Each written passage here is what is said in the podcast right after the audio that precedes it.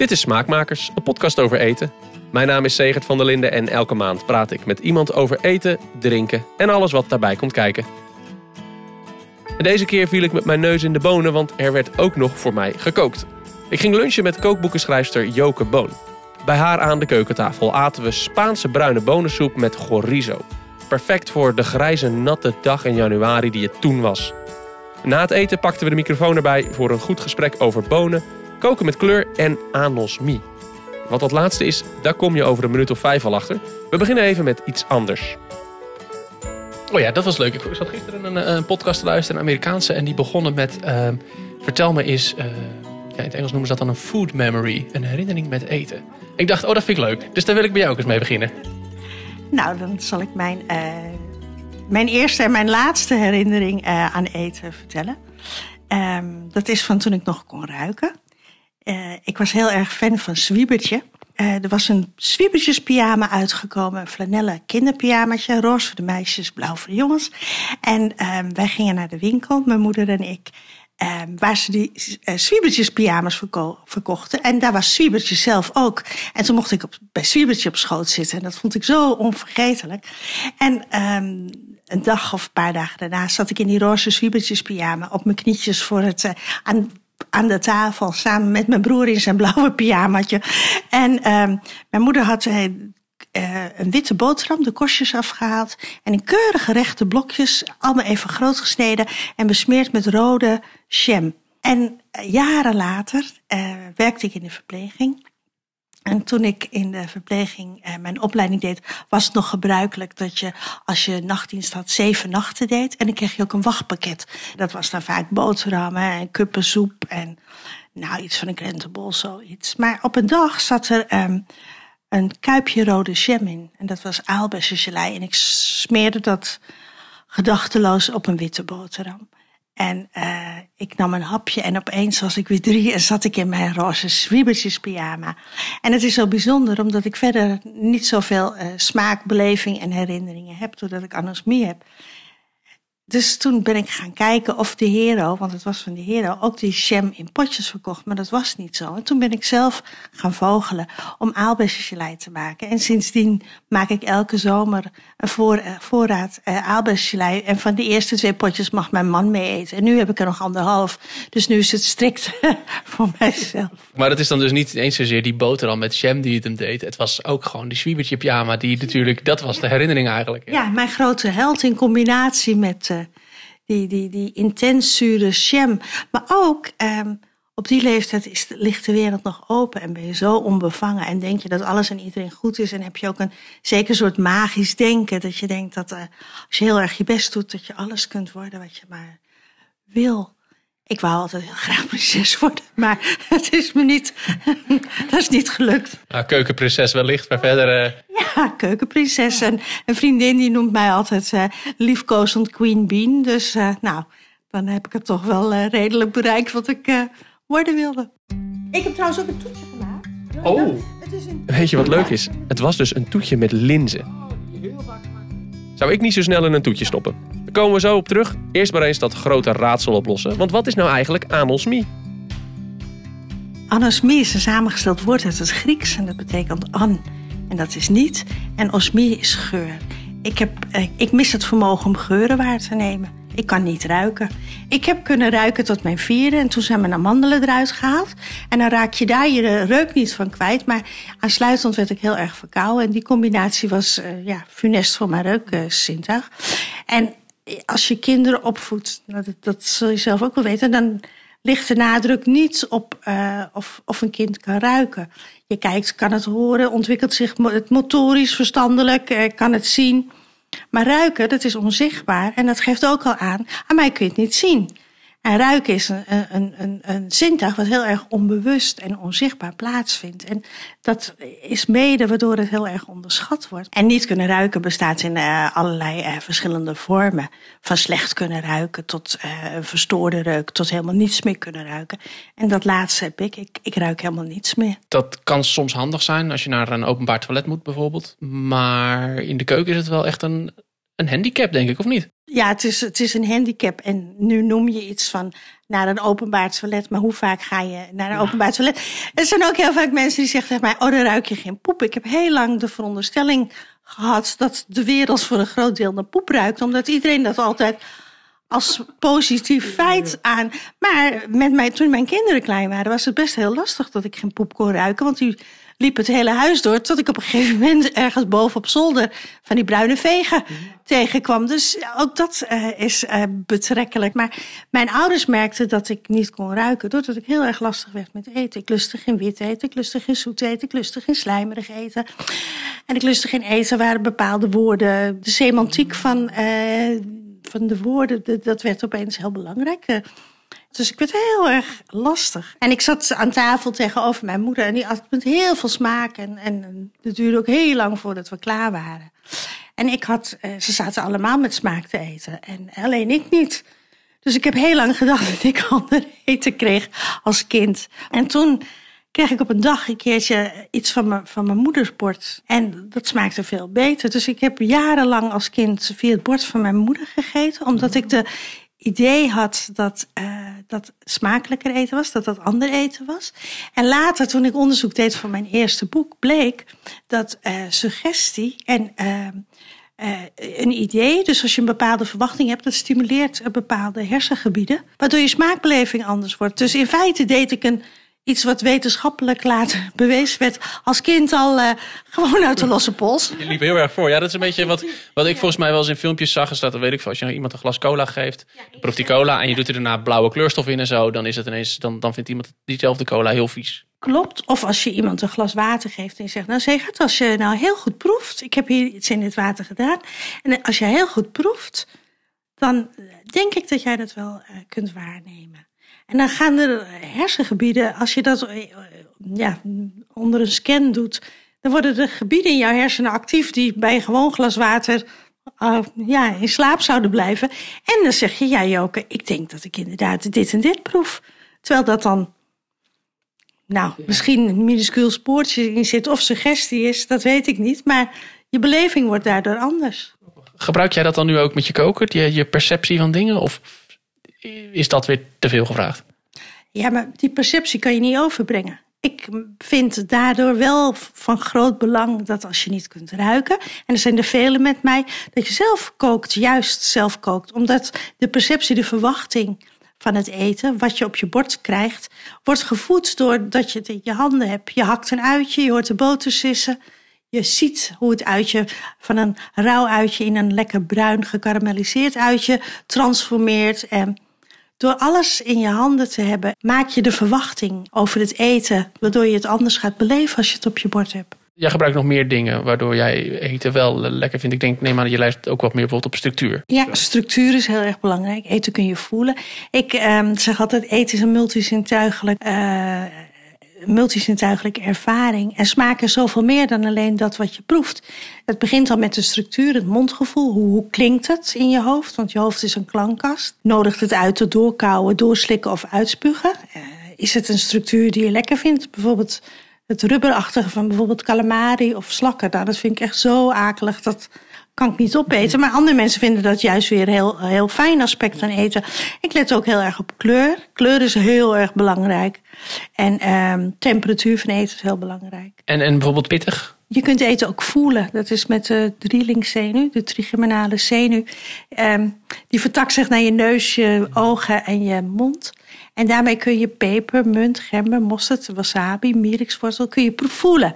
En als voorbeeld haal ik altijd aan als je te veel eh, wasabi bij de Japaner eet of te veel Dijon mosterd op de kaas, dan springen de tranen in je ogen en je neusbodem voel je net of er iets uh, ja, in de brand, het brandend gevoel. Nou, dat is die zenuw en daarmee kun je eten voelen. En als je voor de pijngrens gaat zitten, dan kan het uh, bijzonder aangenaam zijn. Is dat ook bijvoorbeeld wat je kan hebben met, met als je in een, in een citroen bijt of zo, dat het heel zuur is? Dat zijn de tongsmaken. Dat is echt de smaak. Ja. ja. ja, want je, je ruikt natuurlijk. Eh, smaak is voor een groot deel aroma. Maar je proeft natuurlijk ook de tongsmaken. Zoet, zuur, zout, bitter, umami en vet. En um, ja, vet is ook een smaak. En um, als je niet kunt ruiken, dan proef je die smaken ook minder. Want die smaken worden ook door de reuk uh, versterkt. En uh, als voorbeeld um, laat ik mensen altijd dat ervaren. Want ik geef vaak lezingen over dit. En dan ehm, geef ik mensen een suikerklontje en dan laat ik ze goed in- en uitademen. En dan laat ik ze hun neus dichtknijpen. En dan gedurende 30 seconden laat ik ze op dat suikerklontje kauwen zonder te slikken. En dan vraag ik ze hun neus los te laten. En dan wordt uh, de. de ehm, de moleculen, de suikermoleculen die zich retronasaal, dus in de neus-keelholte hebben verzameld, die gaan door het uitademen langs het reukepitheel, wat boven in de neus ligt. En dan uh, ervaren ze opeens een hele zoete smaak. Dus wat ze eerst aan zoet proefden, dat is hoe ik al, uit alle hmm. tongsmaken proef. En hoe ze het daarna, als ze het reukepitheel beluchten, uh, ervaren, dat is het verschil met uh, kunnen ruiken en niet kunnen ruiken. Nu weet je dus precies wat anosmie is. Tijd voor het toetje. Want er stond al een poosje een mooi bordje truffels voor mijn neus.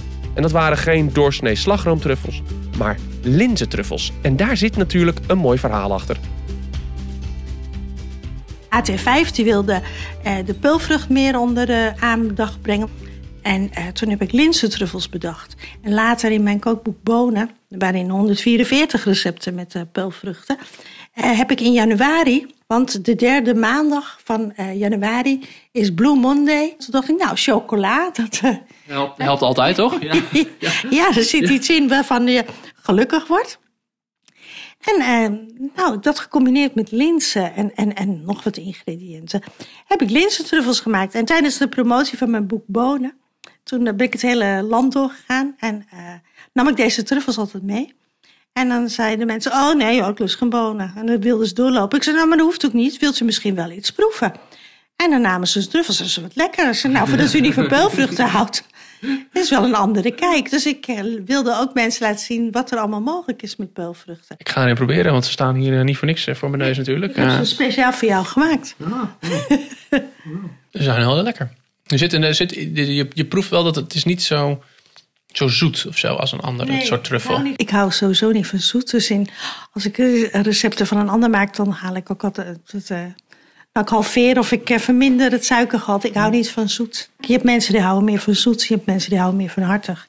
Ik hou meer van hartig. Ja, dat is, nou, dat is de smaak die ik er nog tussen. Iets, iets hartigs. Nou, dat zegt denk ik, dat zit er ook ergens een beetje ja, in. Nog. Dat is denk ik die lins, want er zit geen zout in. Um, nou, laten we dan toch maar over bonen gaan hebben. Want ik vertelde net al even voordat we begonnen. Uh, als, er, als, er, als er één boek is dat de afgelopen paar jaar echt invloed heeft gehad op wat, hoe ik kook en wat ik kook, dan is het het bonenboek wel. Want uh, daarvoor pakte ik wel eens een blikje kidneybonen als ik iets Mexicaans maakte. Maar sindsdien ja, staat het gewoon een paar keer per week staan de bonen op tafel. Dat, uh, daar ben ik heel erg blij om, want dat was precies de bedoeling uh, die ik had toen ik het boek schreef. Bij jou was het alleen niet een paar keer per week. Jij deed een jaar lang elke dag. Ja, klopt. En soms wel meerdere keren op een dag. Het was januari 2015 of 14, dat ben ik even kwijt.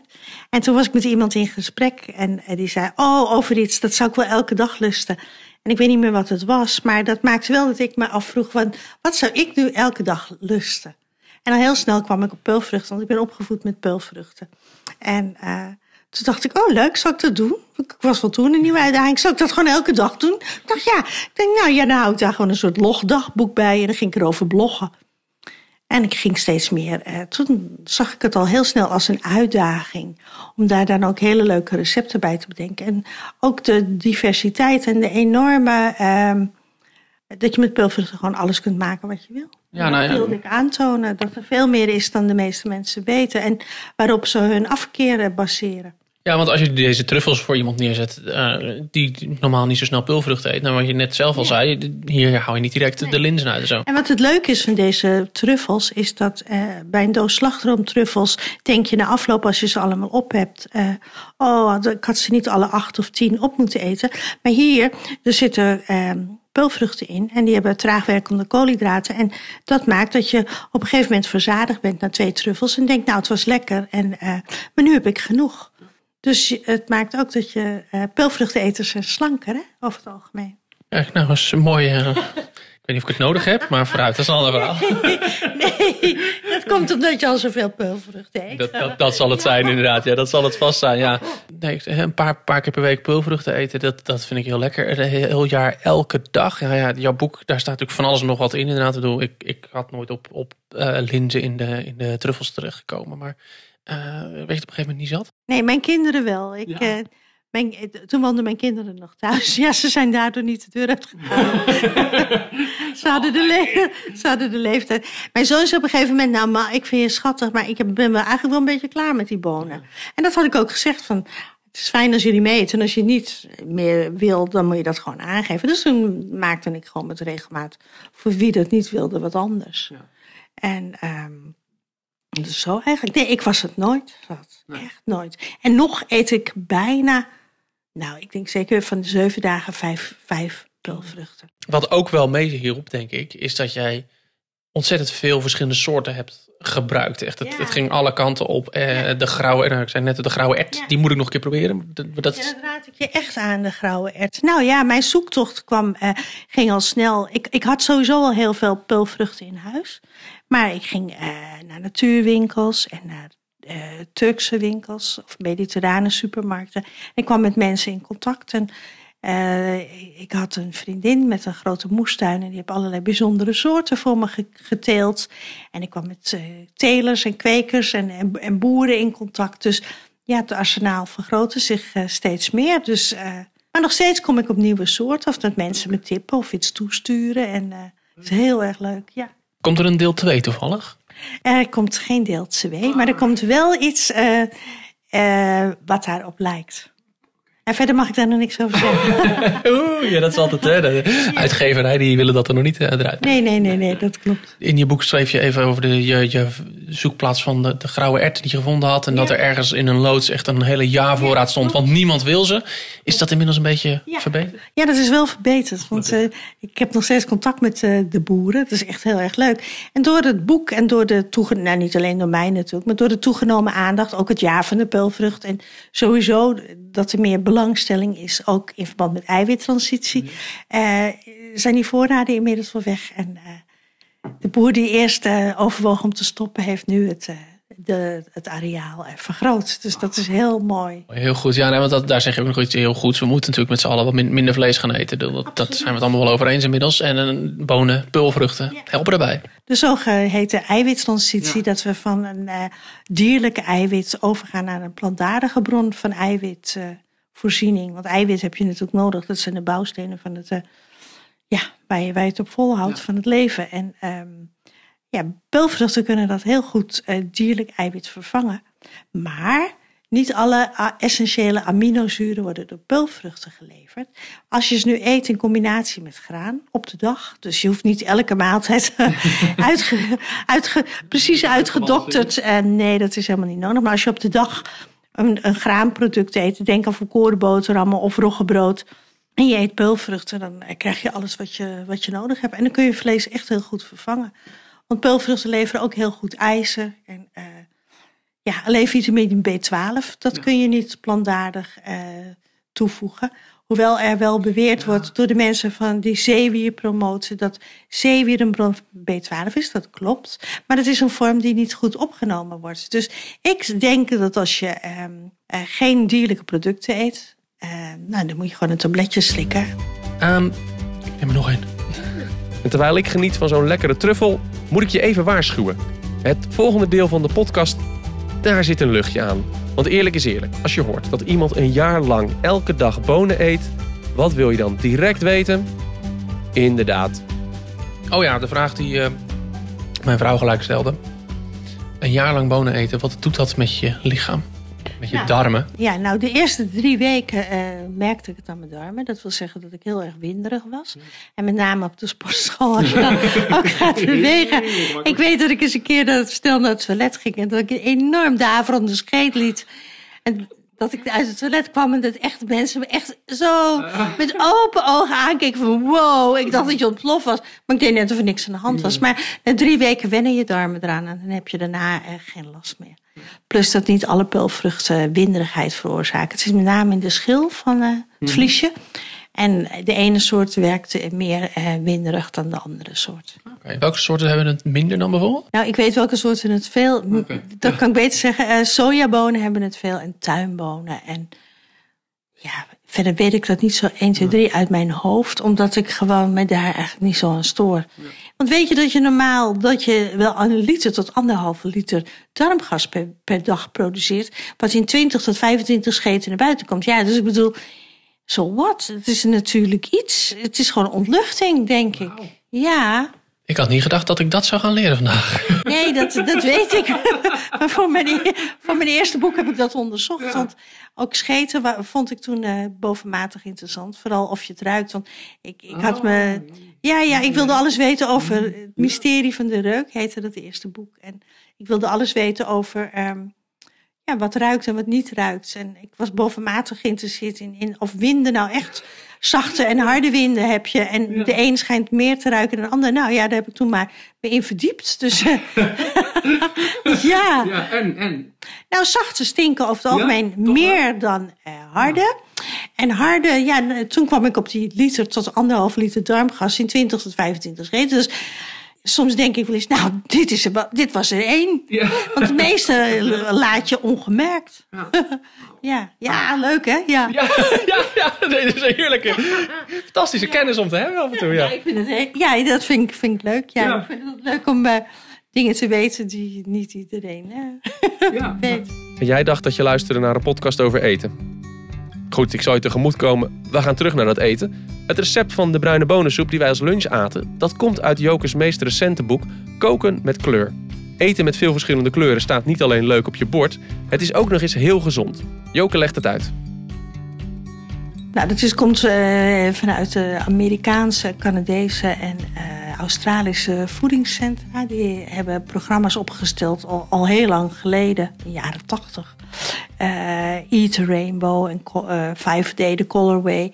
Om mensen meer te, om te bevorderen dat mensen meer groenten en fruit gaan eten. En meer kleuren. Want al die groenten en fruit die met hun eigen kleur en kleurpigmenten, die leveren allemaal hun eigen type voedingsstoffen. En als je dat maar genoeg eet op een dag, dus zo kleurrijk mogelijk, dan krijg je eigenlijk vanzelf alles binnen. En daarmee is de vraag dan ook beantwoord: wat is gezond eten?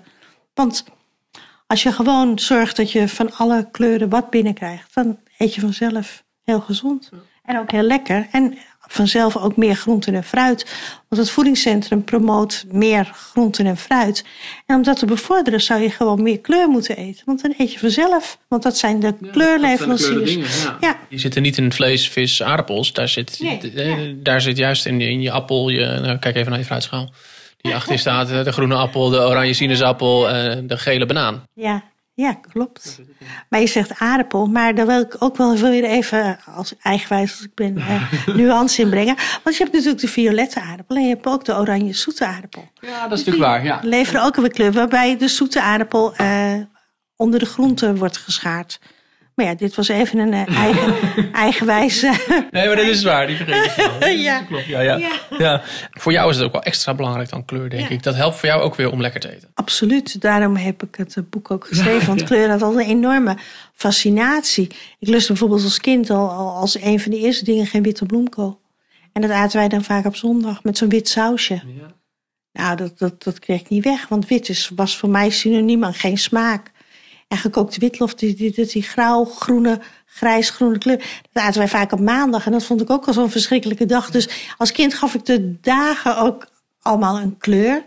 En hoe, hoe beroerde de kleur, hoe beroerde de dag. Dus maandag had die grauw-groene kleur.